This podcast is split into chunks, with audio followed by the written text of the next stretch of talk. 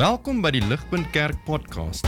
As Ligpunt Gemeente is dit ons begeerte om God te verheerlik deur disippels te wees wat disippels maak en 'n kerk te wees wat kerke plant. Geniet hierdie week se preek. Hi everyone. Um, we are reading from Hebrews 4, verse 12 to 16. Um, I'm reading from the ESV.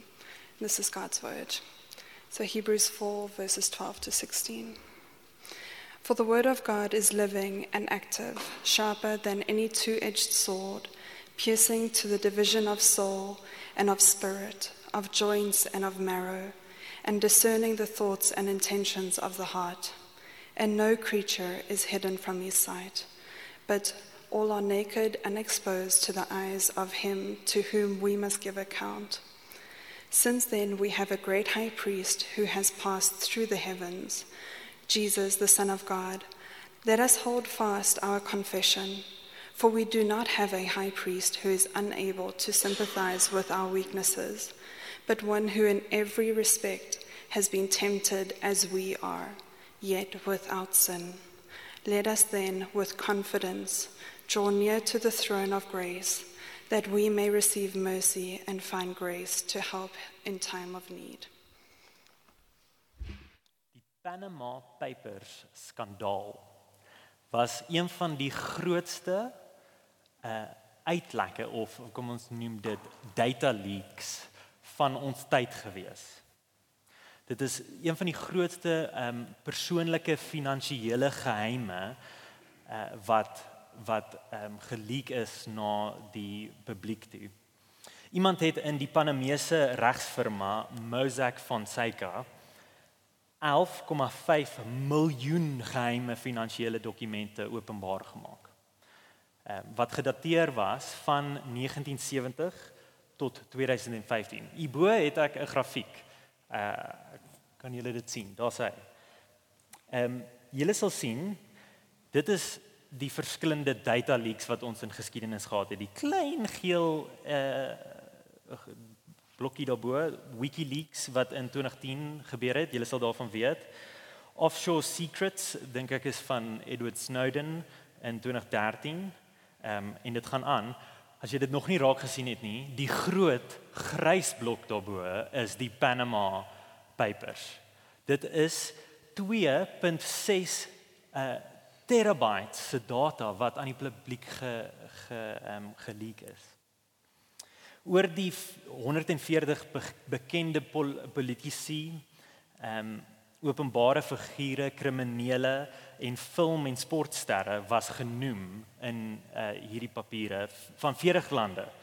Uh, al hulle finansiële geheime is oopgevlek. En hierdie skandaal gaan spesifiek oor 'n uh, onwettige finansiële transaksies wat hulle uh, gedoen het om belasting te probeer vermy deur offshore ehm um, accounts. Een voorbeeld van van uh, een van die ouens wat in Panari was is IJsland se eerste eerste minister. Sy naam is Sigmundur Gunnlaugsson. Hy het dadelik bedank toe hy uh, sien hierdie papiere is uh, geleak en toe mense aan sy deur begin klop om te hoor hoor die hoekom het jy gedoen wat jy gedoen het. Imagine imagine net jy sit jou uh, self in sy skoene die aand voordat mense aan sy deur begin klop het. Hy sit in die bed en hy scroll deur sy feed.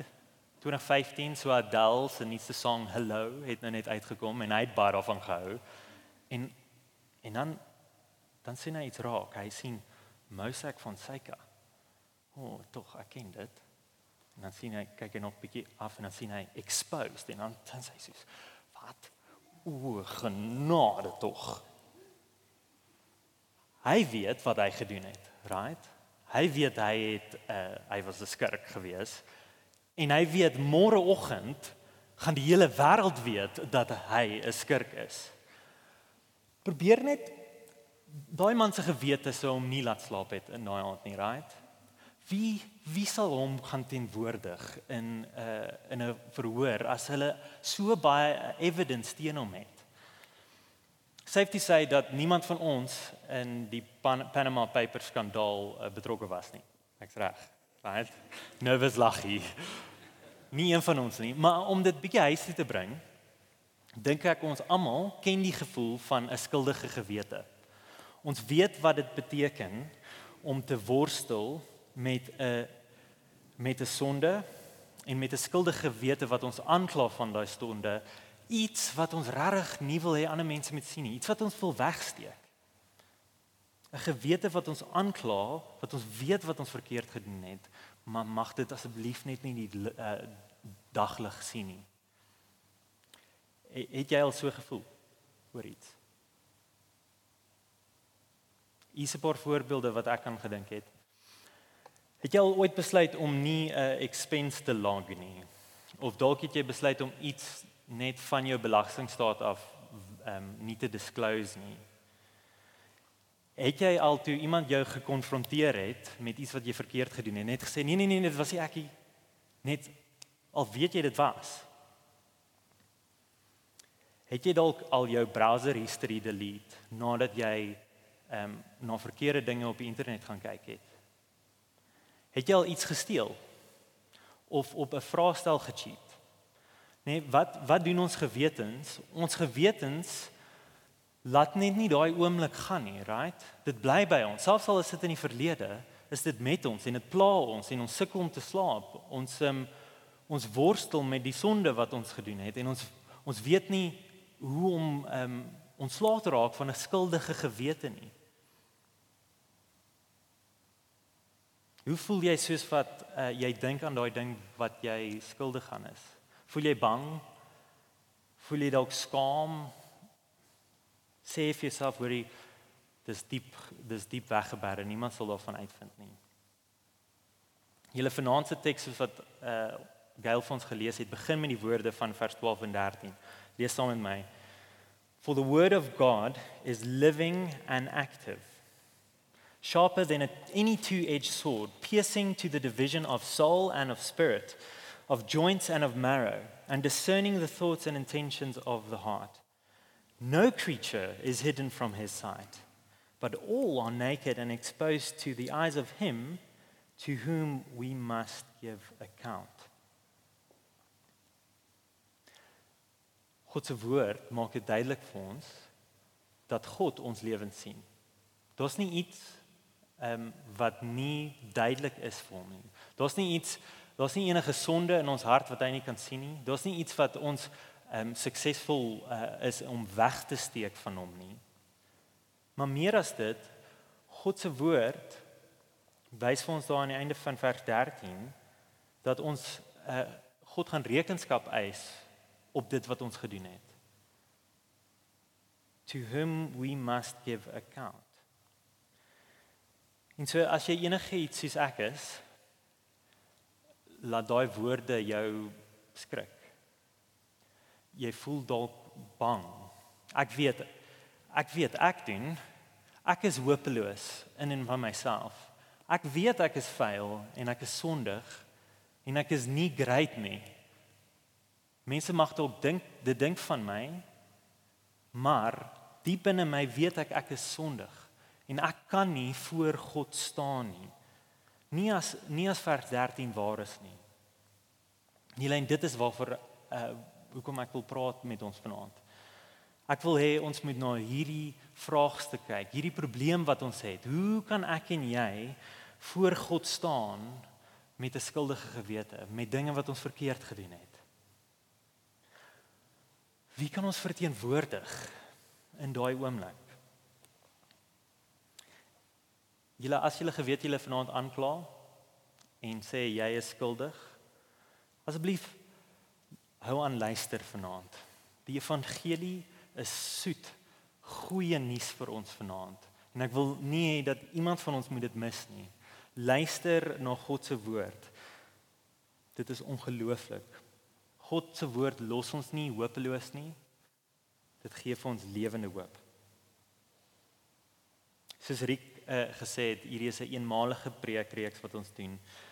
Ehm um, die rede hoekom ek gekies het om hieroor te praat vanaand is omdat 'n skuldige gewete nie iets is wat ons like om oor te praat normaalweg nie, right? Ons wil dit eerder nie in die lig bring nie. Dit is iets wat uh on, ons sit ons beste voetjie voor en ons laat wat ook al aan die gang is in ons lewens wat wat dalk nie so mooi prentjie skets nie. Ons ons praat nie daaroor nie. Maar dis juis die probleem. Want God se uh, evangelie daai lig het ons brood nodig. En ons het dit brood nodig juis in daai donker plekke waar ons nie wil hê iemand moet sien nie. Ons kort Jesus se evangelie daar. En so dit is hoekom ek wil hê ons moet tyd spandeer in hierdie uh in hierdie teks vanaand. Ons gaan spesifiek sien vanaand uh die volgende. Jesus is ons groot hoëpriester wat my en jou verteenwoordig voor God. Jesus is ons groot hoëpriester wat my en jou verteenwoordig voor God. Hebreërs 4 vers 12 tot 13 maak dit duidelik dat ons voor God staan en ons is sondig en ons um, ons harte is ontbloot voor hom. Dis oopgelê en ons besef dat ons vuil is.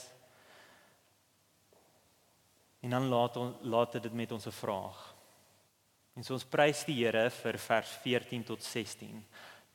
Die woord eindig nie by vers 13 nie.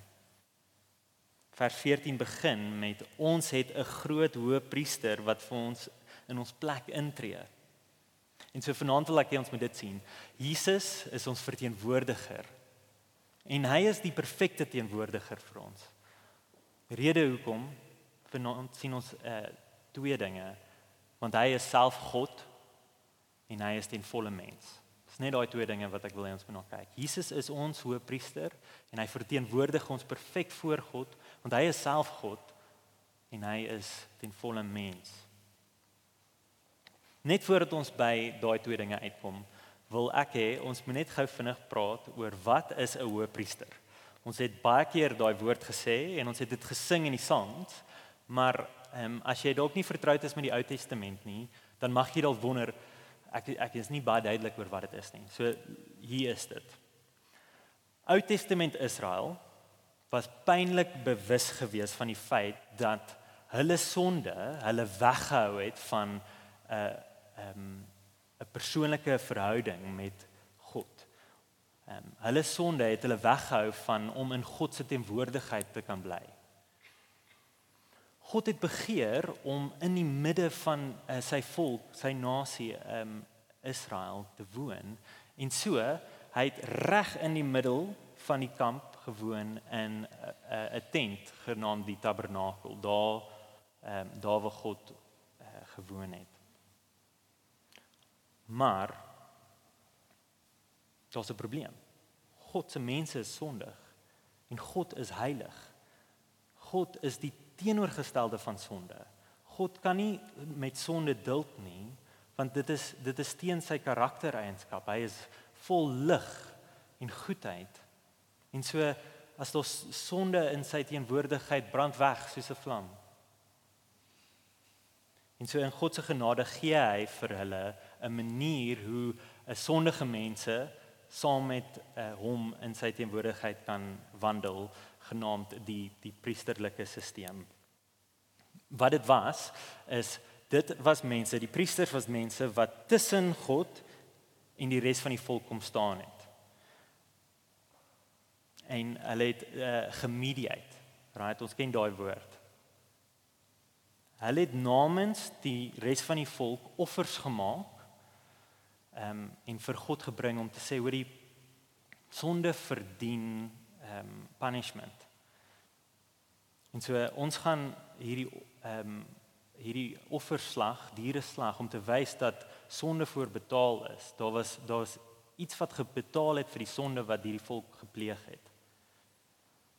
Die hoëpriester spesifiek was iemand wat net een keer 'n jaar, daar was net een persoon wat in daai tent tot in die uh, binneste van daai tent kon beweeg. Uh, net een keer 'n jaar om uh, so 'n offer te gaan maak in in die allerheiligste.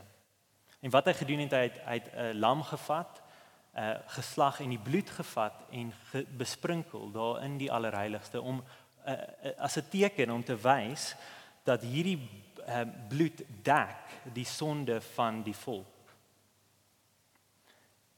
En so het die werk van die hoëpriester die res van die volk ge ehm um, verteenwoordig en gemediate tussen hulle en God. Maak dit sin? Saam met my. Die boek van Hebreërs en spesifiek ons teks vanaand wil vir ons sê Jesus kom in daai stelsel in en hy vat die amp van hoëpriester en hy volëindig dit. Hy hy bring dit tot volëinde. Hy hy hy's die perfekte hoëpriester. Hy's die groot hoëpriester. Net 'n vinnige storie wat ek dink behulpsaam is vir ons om um, te verduidelik uh, wat dit beteken dat iemand anders uh, jou verteenwoordig, soos wat 'n hoëpriester doen.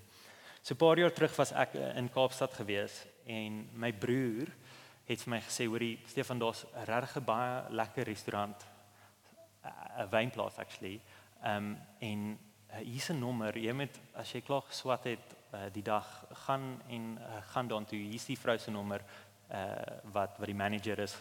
Jy kan by haar tafel boek. Dis grait. Maar toe ek ehm um, die foonnommer optel en die vrou op WhatsApp wil bel, toe sien ek haar WhatsApp status. In all caps was daar urgent calls only. En ek sê, "Hoe, tog." Weet nie of my my urgent call regtig so urgent is nie. Ek wil net na na uh, na my lecture gou vinnig ietsie gaan drink. Maar maar dan dink ek okay, my, my broer Chris het vir my haar nommer gegee. So sekerlik kan ek wel bel. En so dit is die juist wat ek gedoen het. Ek bel en sy antwoord. En soos wat sy antwoord, kom ek agter hierdie tannie is kwaai. Want wie is hierdie random nommer wat haar bel wanneer haar WhatsApp status baie duidelik gesê het urgent calls only. Ek was bang geweest, gaan ek hierdie booking kry? Maar toe dink ek, okay, nee, laat ek net vir sê wie ek is. Uh, hallo, hallo, my naam is Stefan. Uh, ek is Chris Streeter se broer. Julle, toe ek my broer se naam gesê het, toe verander alles. Right? Sy het my hanteer soos familie. Sy was so liefdevol en vriendelik met my gewees. Ek het gaan kuier daar. Sy wou nie gehad het ek moes betaal vir enigiets nie. En sy het my gesê, "Hoor, jy kan enige tyd terugkom." Dit was amazing. Die vroutjie het my glad nie geken nie. Sy het ook nie eers my naam geken nie, right? Maar sy het my hanteer asof ek my broer was. En so in daai oomblik was my broer Chris my verteenwoordiger. Ek was gehanteer op grond van wie hy is en wat hy gedoen het. Sy verhouding met haar, nie my verhouding met haar nie, right? Ek dink dit is 'n behulpsame storie om uh, te verduidelik wat 'n hoëpriester gedoen het. Meer as dit, ek dink dit is 'n is 'n dis 'n prentjie van 'n soveel beter werklikheid oor dit wat Jesus Christus vir my en jou doen voor God die Vader. Jesus verteenwoordig ons perfek en ons word hanteer op grond van wie hy is en wat hy gedoen het. En so kom ons kyk na die teks en ons sien hierdie twee dinge uh, wat Jesus so great maak as ons verteenwoordiger. Eerste ding wat ek wil hê ons moet sien is Jesus is. En daarom kan hy ons hoëpriester ons verteenwoordiger wees. Vers 14. Since then we have a great high priest who has passed through the heavens, Jesus, the Son of God, let us hold fast our confession. Eerste ding wat ek wil hê ons moet sien is Jesus ons groot hoëpriester is God. Sy titel is the Son of God. Soos die hoëpriester van ouds tot ehm um, een keer per jaar in die middel van die tent in kon beweeg. Ehm um, deur die gordyn beweeg het wat wat die binneste ehm um, weerhou het van die res van die tent. Daai het, het Jesus deur die hemele beweeg. He who passed through the heavens. Daar waar God is. En Jesus het die perfekte offer gegee daar. Hy het homself gegee, die vlekkelose lam wat vir ons gesterf het om eens en vir altyd ons sondes te dek. ou Ou Testament priesters moes keer op keer op keer uh dinge slag.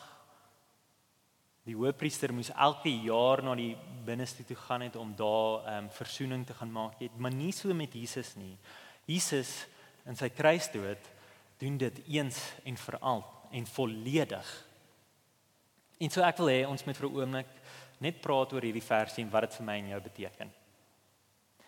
Ek wil julle ehm um, ek wil hê julle moet sien dat Jesus die enigste een is wat my en jou kan versoen met God, wat my en jou kan verteenwoordig voor God. Daar's niemand anders wat dit kan doen as God self nie, wie Jesus is.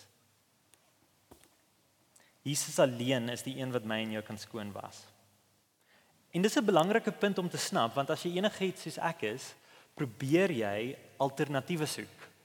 Right, jou eerste gedagte is nie om dadelik na Jesus toe hardloop nie. Jy wil op ander maniere jou gewete probeer sis of op te maak vir sondes. Drie voorbeelde wat wat ek net aan kon dink in hierdie week. Dalk doen jy dit deur selfdissipline. Jy sê vir jouself, hoorie, as ek net harder probeer om hierdie sonde waarmee ek sukkel in die bed te sit, as ek net 'n beter rotine volg en uh, myself beter uh, motivate, dan kan ek hierdie sonde in die bed sit. En dan as ek dit gedoen het, as ek hierdie sonde oorwin het, dan kan ek nog God toe gaan. En dan kan ek vir hom sê, hoorie, God kyk, ek het hierdie sonde oorwin. Nou kan ek en jy in 'n verhouding met mekaar wees. Nou staan hierdie sonde nie meer tussen my en jou nie want ek het uh, deur selfdissipline dit reg gekry. Dalk is dit 'n manier hoe jy heidaglik ehm um, argumenteer. Hier is 'n tweede ehm um, voorbeeld. Dalk probeer jy dit uitbalanseer. Jy sê okay, hoorie, ek weet ek doen verkeerd en daar is dinge in my lewe wat sleg is. Maar as ek dit net uitbalanseer met die goeie dinge wat ek doen, dan kan ek my gewete sis. Dan dan weet ek ten minste die scales balance. Ek het my hier meer verloor met 'n vriend, maar ek's hier vanaand by die kerk. En ek weet ek gaan ligpunt gesin toe gaan Woensdag en so daai was 'n minus, hier's 'n plus, daar's nog 'n plus. Ek's in die goed. Ek's in die goeie boekies. Daar probeer jy jou gewete uh, sisteer om te sê hoor die die skaal is ten minste uitgebalanseer. Alles is fine. Of dalk 'n derde manier, ehm um, wat dit moontlik is om sonde te probeer ehm um, hanteer en skuldige gewete probeer ehm um, verbeter is deur om dit net op te bottel. Om te sê hoorie, ek gaan dit so diep as moontlik binne in my wegstoot sodat niemand dit kan sien nie, sodat ek nie eers dit kan sien nie. En dit mag dalk elke nou en dan uitkom, maar dan trek ek dit net terug. En dit is nie regtig deel van my nie. Dis net dis net in 'n donker klein hoekie. Hierdie is net drie voorbeelde en ek seker daar is baie ander van maniere hoe ons probeer om 'n skuldige gewete te sis. Kan ek vir jou vra werk enige van hierdie maniere? In my my ervaring doen dit nie. As ek eerlik is met myself, help dit dalk vir 'n dag of 'n week of 'n maand. Ehm um, maar maar op 'n stadium ehm um, is die gewete net sterker en sê oor die nee, dit jy kan nie dit oplos so nie. Hebreërs wil vir ons sê dat dit net Jesus is wat dit kan doen. Dit is net Jesus wat ons kan versoen met God. Wat vir ons 'n nuwe skoon blaadjie gee wat ons gewete skoon was. Kyk want 'n gewete is 'n goeie ding, dit is God gegeewe. Kan ek vir jou vra, is Jesus jou hoër hoë priester? Vanaand soos jy hier sit. Het jy vir hom gevra om jou te verteenwoordig? Bely jy met jou lippe en met jou lewe dat jy glo en vertrou op Jesus? Hy wat aan die uh, aan die kruis gesterf het vir jou sondes. As jy ja sê, jou lewe um, en jou lippe erken dit en het kenmerke daarvan dat jy op hom vertrou. Kan ek jou bemoedig? Vriend, vriendin, jy is in 'n goeie verhouding met God as gevolg van wat Jesus gedoen het. Jy's in 'n uh, perfekte verhouding met Jesus. Jy is skoon gewas deur sy bloed. En as jou gewete jou aankla, soos wat jy op Jesus vertrou en jou gewete sê vir jou jy is nie waardig nie, kyk hierdie dinge wat jy gedoen het. Jy's nie goed genoeg nie. Jy verdien nie God se genade nie. Dan wil ek jou aanmoedig hardloop na Jesus toe. sien hom daar aan die kruis hang as jou hoëpriester en sê vir jou gewete hierdie is my verteenwoordiger. Hierdie is my hoëpriester wat vir my intree. Sy bloed tel vir my. Ek wil jou ook uitnooi om te sê dat eh, Jesus se boodskap ehm um, van hom as ons hoëpriester maak ons vry. Dit maak ons vry van 'n skuldige gewete om ook in die lig te lewe saam met ander. Hy het ons 'n gemeenskap gegee hierso, Christene saam bymekaar om uh, hierdie pad saam te stap. Uh, en so ons kan eerlik wees oor ons tekortkominge uh voor mekaar. As jy wrestel met sonde, hoef jy nie jou beste voetjie voor uh, te sit en asof dit vir jou geregtigheid gaan gee nie. Want jy weet Jesus het vir my aan die kruis betaal. Jesus maak my vry en my skoon. En so ek kan eerlik wees met hierdie dinge waarmee ek struggle. Ek kan eerlik wees met 'n vriend wat ek vertrou om saam met my pad te stap. Ek wil jou aanmoedig dat soos jy daai stap vat, is dit 'n 'n stap van vertroue op dit wat Jesus gedoen het. My sonde is nie meer die ding wat my identiteit is nie. My my uh, skuldige gewete is nie meer wie ek is as persoon nie.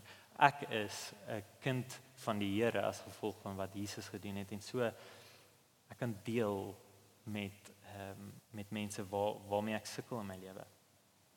Dis die eerste ding. Ehm um, die tweede ding wat ek wil hê ons moet sien is Jesus is ons perfekte verteenwoordiger omdat hy God is. Tweedens omdat hy mens is en dat hy die perfekte mens is. Lees asseblief saam met my vers 15.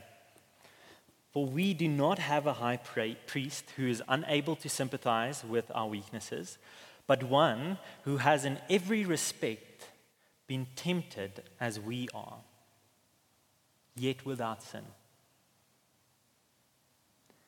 Jesus ons hoëpriester is ten volle en perfek mens.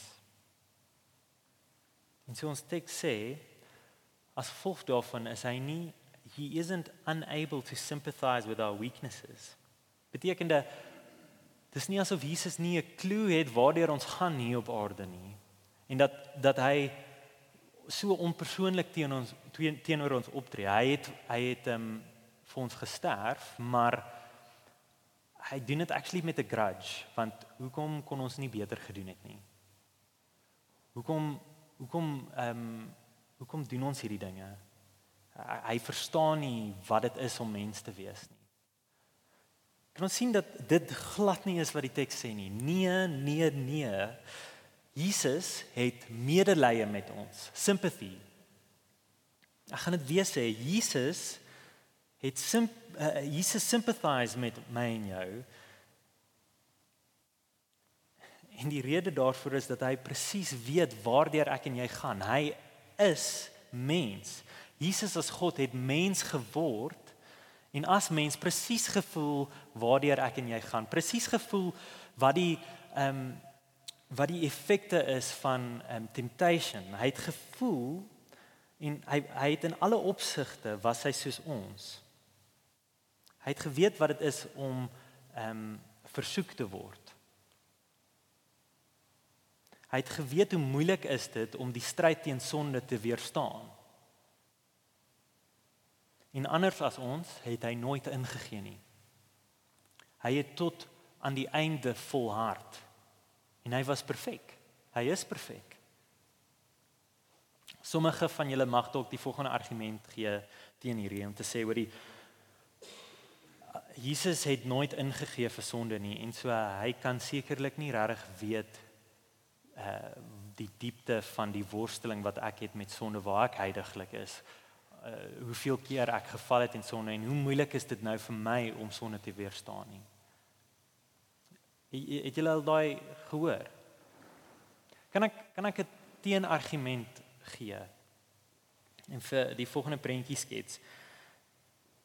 Kom ons sê jy en jou pelle gaan stap 'n massive berg op. Platte platte klipkoers uh in Tafelberg. Jy sien die ding voor jou staan. En vir een of ander rede het jy besluit om in die middel van die dag dit gaan te gaan hike en dis vuurwarm. Dit dit is letterlik 'n berg voor jou. Watter een van julle ervaar meer versoeking en meer worsteling om aan te hou die berg klim?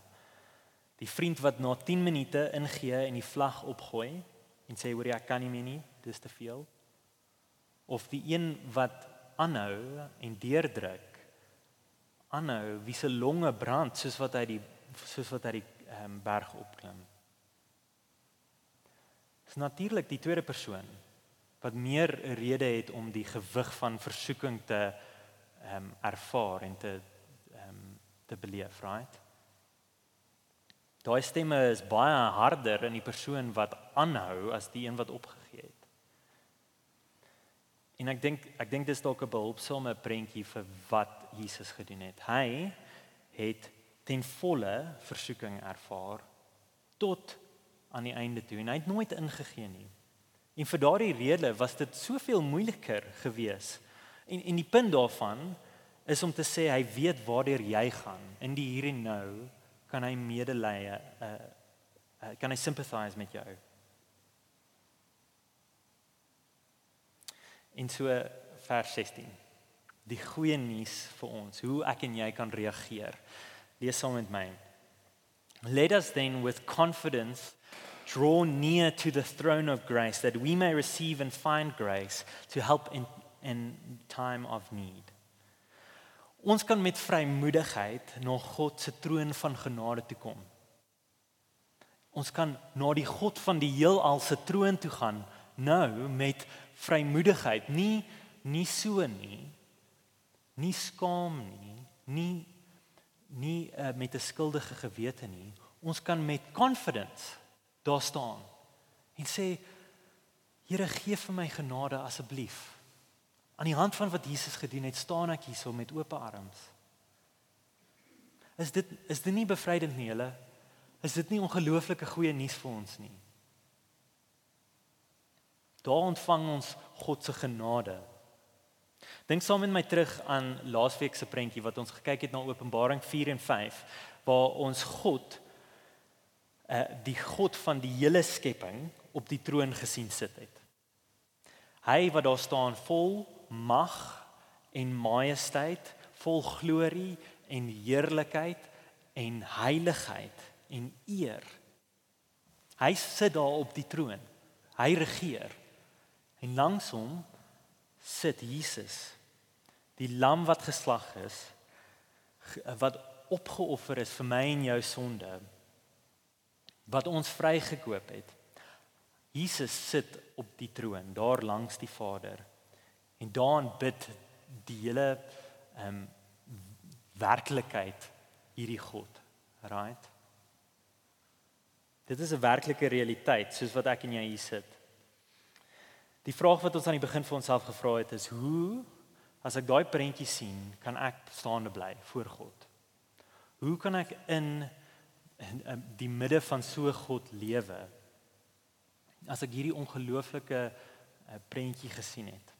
En as vers 13 waar is no creature is hidden from uh, from his sight but all are naked and exposed to the eyes um, of him to whom we must give account.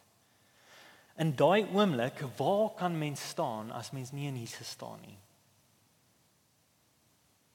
Maar as ons in Jesus staan, as jy gesê het Jesus wees my hoëpriester. sien hierdie prentjie raak. Jesus tree nou vir jou in by die Vader. Jesus jou hoëpriester is jou hoëpriester nou en hy tree in. Hy praat met die Vader Hy verteenwoordig jou en hy sê die volgende: Ek het my lewe neer gelê vir hom. sien. Kyk my bloed wat gevloei het in sy plek. Kyk hoe is hy of sy gedek deur my werk vir hulle. En meer as dit Of saam met dit sien hoe Jesus vir jou sê in die hier en nou weet ek jy sukkel met sonde.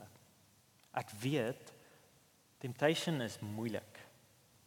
Kom ontvang genade my wyn. Want ek weet hoe moeilik is dit om sonde te weerstaan. Ek weet hoe swak jy is. Kom vind jou rus by my. Kom vind jou krag by my. Kom hardloop na my toe. En kom vind vergifnis daar wanneer jy gesondig het. Kom na my toe en en jy sien die ongelooflike prentjie van God die Vader wat jou omhels.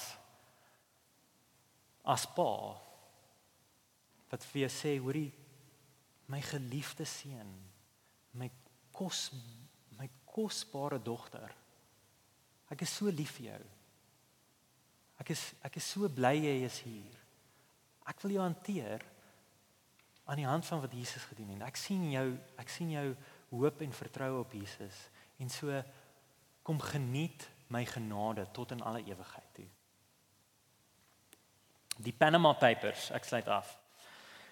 Het die wêreld geskok want dit was die die grootste data leak in die hele wêreld sover gewees. En dit het geweldige implikasies vir die mense wat se name in daai 11,5 miljoen papiere gestaan het.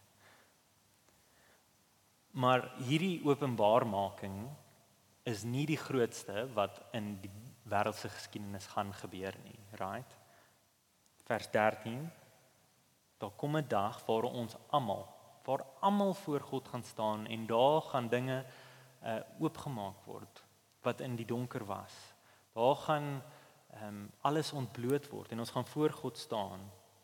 Op daardie dag as jy jou vertroue in Jesus sit, dan gaan jy Jesus jou hoëpriester sien wat daar staan. En hy gaan vir jou intree. En jy hoef nie skaam te wees soos wat jy daar staan nie.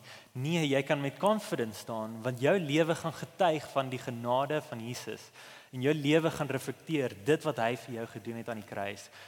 En dit gaan glorieryk wees.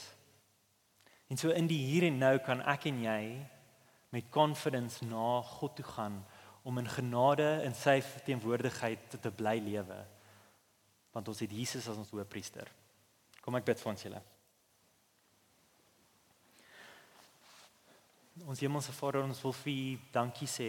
Dankie vir die woorde van die liedere wat ons gesing het vandag wat so keer op keer ehm um, uitgewys het hoe goed U is vir ons. Dat U in U ehm um, genade dit goed gedink het om U seun te stuur om vir ons aan 'n kruis te sterf.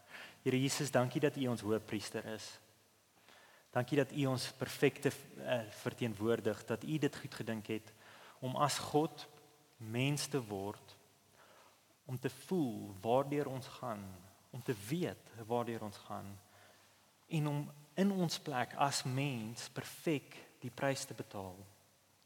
Here, ek bid werklik dat dit uh, hierdie nuus van die evangelie mense se harte sal aanraak vanaand en soos wat hulle môre by die werk sit, soos wat ons in die um, in die wêreld ingaan um, hierna net buite hierdie deure ehm um, bid ek dat die die nuus van Jesus as ons hoëpriester ons sal bemoedig en ons sal laat staande bly soos wat ons weet dat U ons vashou en dat dit U is wat ons verteenwoordig. Here, dankie vir U goedheid en U liefde aan ons. Ek bid dit in Jesus se naam alleen. Amen.